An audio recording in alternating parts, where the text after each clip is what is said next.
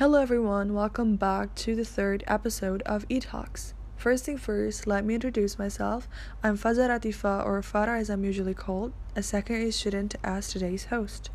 In this episode, I'm going to talk you through today's topic that, yet again, is going to be the scope of international law with, of course, a very special guest, Ka Muhammad Ikram Alfiansyah, the Vice Head of Internal Department, University of Gadjah Mada Model United Nations Community 2018 to 2019.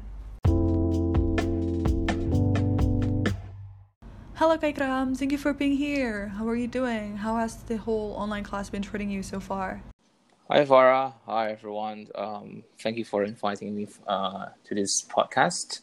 I'm doing good. Um, I'm already uh, adapted with the current situation, the current pandemic yeah. situations.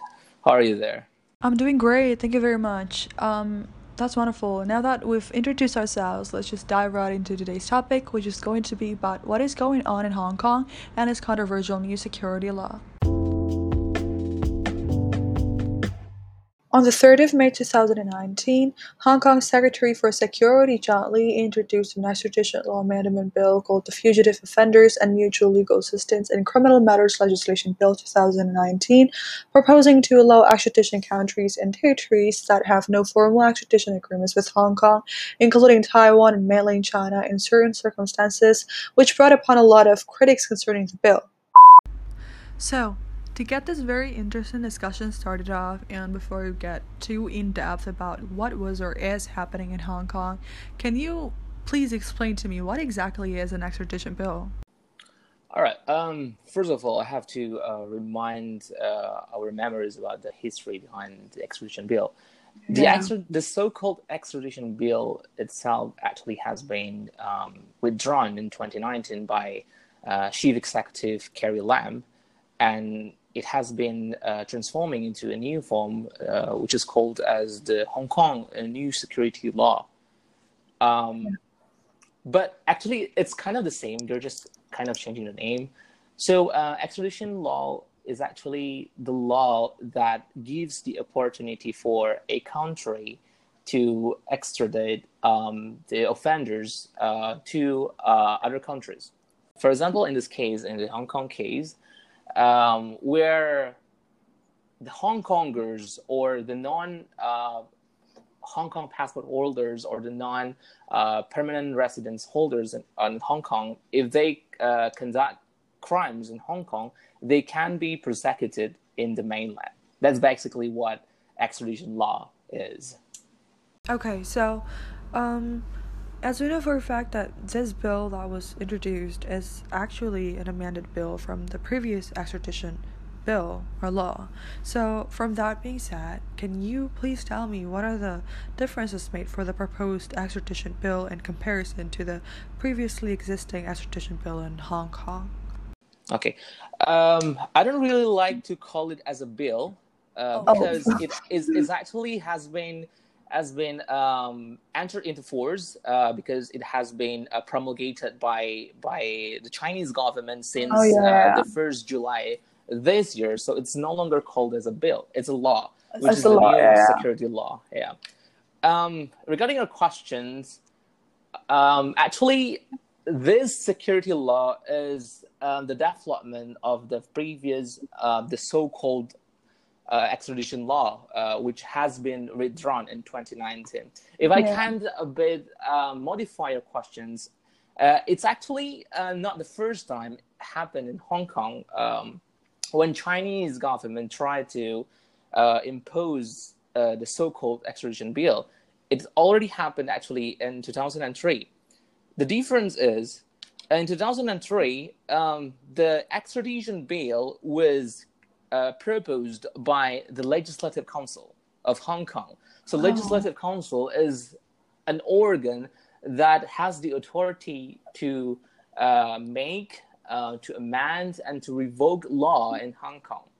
Instead of um, following the legislation rules uh, in, in the process in the Legislative Council, this year, Beijing uh, tries to um, impose the law by annexing the new security law in the basic law. So basic law is actually the mini constitution of Hong Kong. Oh. So Beijing is not following the legislation process in the legislative council. They're just imposing it directly. The difference is from from the from the 2003 version is this year the law is not proposed by the legislative council, but it is proposed by uh, the Beijing government. Oh, that's really interesting. Oh, what about the offenses? What are what are some of the offenses that are covered by the law itself? All right. Um, there are some key provisions in in the so-called new security law. Uh, I found uh, four crimes, which are the successions. It's uh, it's ruled in Article 20. Uh, successions actually, uh, if you are breaking away from from the country, the country means the one China. If you are, if you try to um, break away Hong Kong from the uh, one China policy or, or the one China concept, you can be uh, prosecuted in the mainland. That's basically what succession mm-hmm. is. And the second crime is subversion. Subversion is actually um, when you are undermining uh, Beijing's uh, power of authority, you also can be uh, your case can also can be transferred to mainland, and you can be uh, prosecuted and uh, jailed, for example, in, in the mainland. And the third crime is terrorism. The unique thing about terrorism is they include, which is regulated in Articles 24, 26, and 27, they include uh, vandalism in the concept as the concept of terrorism. For example, you are um, breaking um, public facilities like what what is now currently in Hong Kong. The demonstrants yeah. um, make a riots in in in public uh, facilities, and you violate or intimidate people. You also can be prosecuted in mainland. And the last crime is collusion with foreign or external forces. Uh, Beijing government is actually uh, trying to bar um, the pro-democrats uh, movement in Hong Kong to gain foreign or external uh, supports. Uh, if they conduct uh, such a crime again, they can be uh, prosecuted to the mainland China, and that's the crimes actually. Another uniqueness of this new security law is Beijing also tries to uh, establish the so-called new security office, which has the authority uh, to enforce the new security law in Hong Kong, which is not commonly known in the Hong Kong common law system. Oh, so there are four offenses that are covered by the law itself. Okay, now that we've understood the basic knowledge concerning the extradition bill, to get a deeper understanding about what is really going on in Hong Kong, for starters, can you please explain away about what exactly differentiates the governing system in Hong Kong and Beijing? As we know, um, Hong Kong is very different from Beijing, uh, from China. Uh, what makes China, what makes Hong Kong unique is actually Hong Kong has freedom of speech.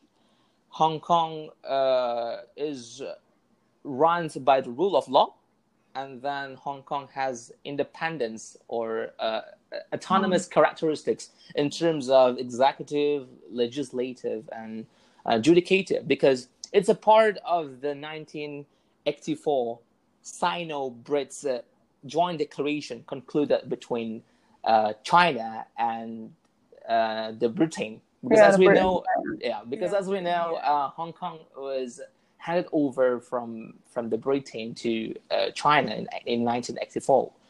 Um, um, Beijing, as we know, is governed by uh, communist uh, leaders, and co- in the concept of communism, uh, Beijing is very strict in terms of the freedom of speech you can say uh, random things probably when when you are inside a taxi. You can say uh, something sensitive about the politics with the taxi drivers because we don't know who he is for example.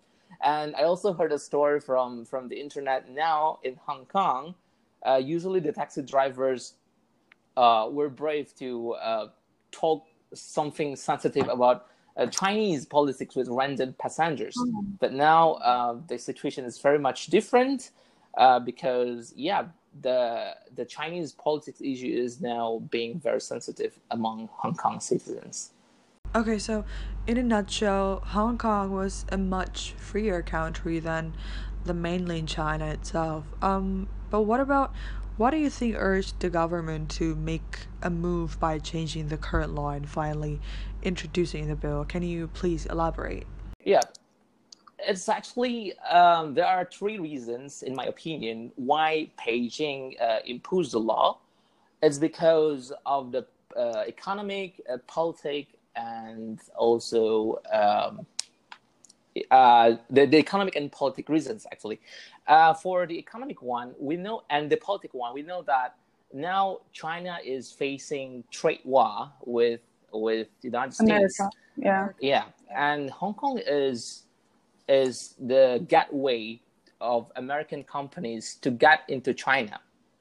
So oh, uh, yeah, no. um, uh, they are trying to bar uh, the U.S. companies to uh, get inside China, and eventually, at the end, uh, the one that will lose the trade war is the United States. That's what uh, Beijing wants.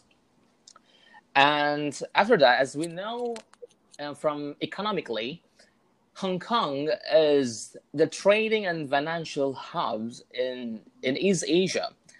We know that um, Hong Kong is very uh, fast growing, uh, it's developed, and and um, almost of the uh, financial and trading activities in in East Asia uh, are actually uh, conducted in Hong Kong if we compare uh, the situation in China, China actually has a lot of uh, mega uh, economic cities, for example, Beijing, Shanghai, Shenzhen, and Chongqing, and also Guangzhou.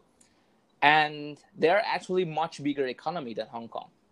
But Hong Kong is still, uh, but Hong Kong still has a very sexy position for, uh, for the uh, for the development of uh, Chinese economy and the expansion of Chinese politics, as we know that uh, China is now uh, developing the so-called um, the new Silk Road, and Hong Kong is the gateway to um, develop Chinese economics into the greater way. Oh, okay. And um, which party do you think is most affected by the bill, seeing the whole process of the introduction and the withdrawal gone at the time? Which party do you think is most affected by it? Of course, it's the pro Democrats, because uh, the Hong Kong politics is actually separated into two parties, right? The, the pro Democrats one and the pro Beijing one even though uh, the chief executive Carrie Lam is coming from the Pro Democrats Party, but again, uh, the chief executive is the accomplice of of China. So uh, the most affected party in the situation is the pro Democrats because yeah. um, the new security law is reducing uh, the so called uh, freedom of speech uh, and also um, it's contesting the independent judiciary of Hong Kong. As we know, a, the independent judiciary is a part of the agreement concluded between Britain and, and China in 1984. And under the, uh, the so called Joint Declaration, China has the treaty obligation uh, to maintain the equal uh, situation in, in Hong Kong at least until 2047. But now uh, Beijing is accelerating um, the the obligation. So basically, in my opinion, Chinese government is violating its treaty obligations with um, with uh, the Britain. Okay, so as we can see all over the news a couple of months ago, even up until now, in which people of Hong Kong are protesting on the streets and such, why do you think this law is highly criticized by the society? Among the demonstrants, almost of them are uh, young people. They are not uh, fighting for themselves. They are also fighting for the future of their generations, oh, yeah. of their sons, of their children. Imagine that you are living in a country which is uh, respecting the freedom of speech, and it it is already uh, ensured by the law. And after that, the government tries to impose a new law that is eliminating the freedom of speech in your country. In my opinion, I think we will also do the same if we are the Hong Kongers in in this time because it's really harming for the future of the free speech in Hong Kong. What makes Hong Kong unique from other uh, Chinese cities is actually uh, the freedom of speech owned by Hong Kong. If it is eliminated in the future by the law, what's what's gonna differentiating Hong Kong with the rest of Chinese cities? It's yeah. no longer it's no longer unique and no longer autonomous. Yeah. So Hong Kong is basically restricting and taking the rights of the youngsters um, to speak their minds, to critique the government. And uh, what do you think? How is the government responding to the critics and the protests coming from the society, the people of Hong Kong? Okay, like what I said before, uh, chief executive Carrie Lam is actually coming from the pro democratic party. Oh. But again, uh, chief executive uh, is sworn in front of uh, the president of China. Um, so yeah, a chief executive actually uh, cannot talk much uh, about uh, what the Hong Kongers want in the country because uh, she has more interest with with the Chinese government. Like we oh. know in 2019, due to the political riots in Hong Kong, Chief Executive Carrie Lam withdrawn the so-called extradition bill but um, this year, um, she cannot talk much because the new security law has been uh, promulgated by the National People Congress. It has been uh, entered into force. So once it creates a precedent, it will. Uh, there is a higher uh, possibility in the future for Beijing to impose uh, more and more regulation or laws that is um, eliminating uh, the the uniqueness of Hong Kong. China government uh, definitely they, they are happy because uh, they have more control. They have more control in the law enforcement in in Hong Kong. Uh, like what we know, uh, Beijing is establishing a new security office in Hong Kong, uh, which has a higher position than the para police in Hong Kong, this is not commonly known in, in the Hong Kong legal enforcement system. And after that, uh, the Chinese government, uh, specifically the national security, I mean, the, that national security, in national security cases, uh, the judges in, in Hong Kong will also be appointed by the chief executive. And as we know, chief executive is the accomplice of, of Beijing. So again, it's threatening the judicial uh, autonomy in Hong Kong, and Beijing will have uh, more control in in the land of Hong Kong. Okay, so um, as we know, as the bill had been withdrawn, but there are still some protests going on in Hong Kong. So, what exactly are the demands that the people of Hong Kong are still fighting for, even up until now? Yep, um, they're fighting for. Um, they're trying to uh, push uh, the Chinese government at least uh, to, uh, for example, withdraw the the law uh, because again the law has been entered into force, and I'm kind of pessimistic that Beijing government will will, will draw the law because it's only about time, I guess. Um, and in the future, I think the Hong Kong protesters will slowly uh, adapting to the law. Uh, and yeah, we're just gonna see how the law is gonna be enforced in Hong Kong, uh, because uh, like what uh, Beijing government has promised before, that not all uh, cases will be transferred and prosecuted to uh, to the mainland.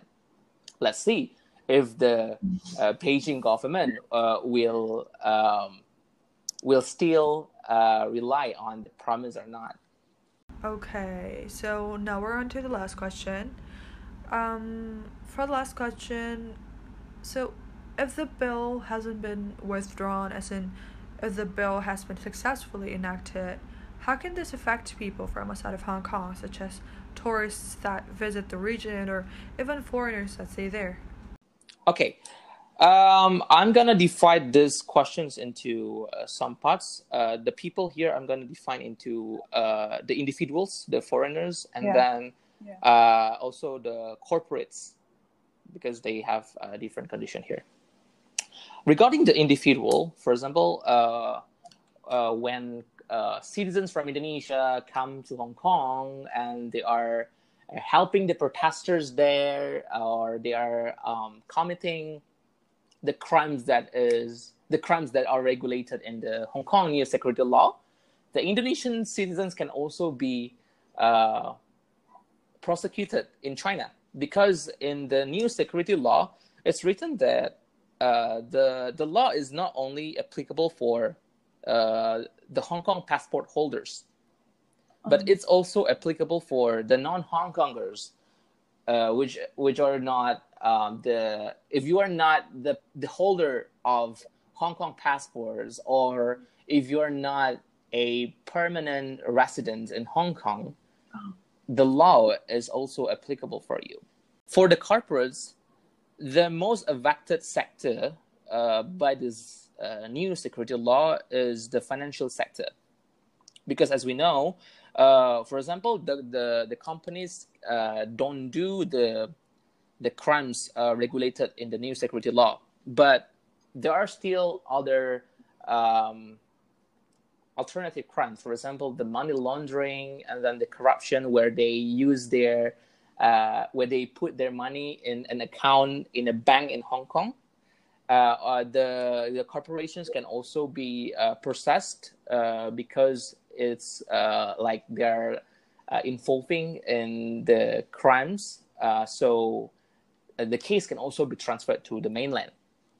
That's why now in Hong Kong, a lot of companies are trying to uh, move their businesses uh, from Hong Kong to other countries, uh, for example, to Singapore or to Japan or to other countries, because uh, they they think that it's no longer safe to do financial business in Hong Kong.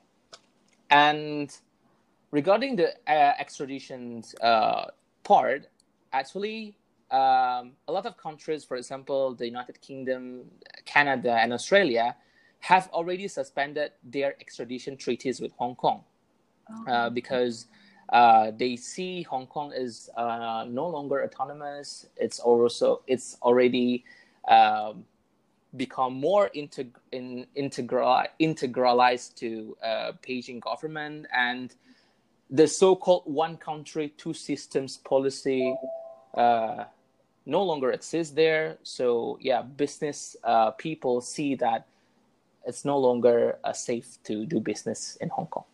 Wow, well, that was very interesting. Well, I think that last question sums up this episode of eTalks. Thank you very much, Kaikram, for your time and obviously the very enlightening information that you've shared to us today. Also, thank you to everybody who's been listening to this podcast. I hope from this podcast you can slightly keep up with the never ending international polemics happening in the world. Don't forget to follow Alsa LCUG on Spotify and our other social medias. See you all in the next episode. Align for excellence. Alsa, always be one.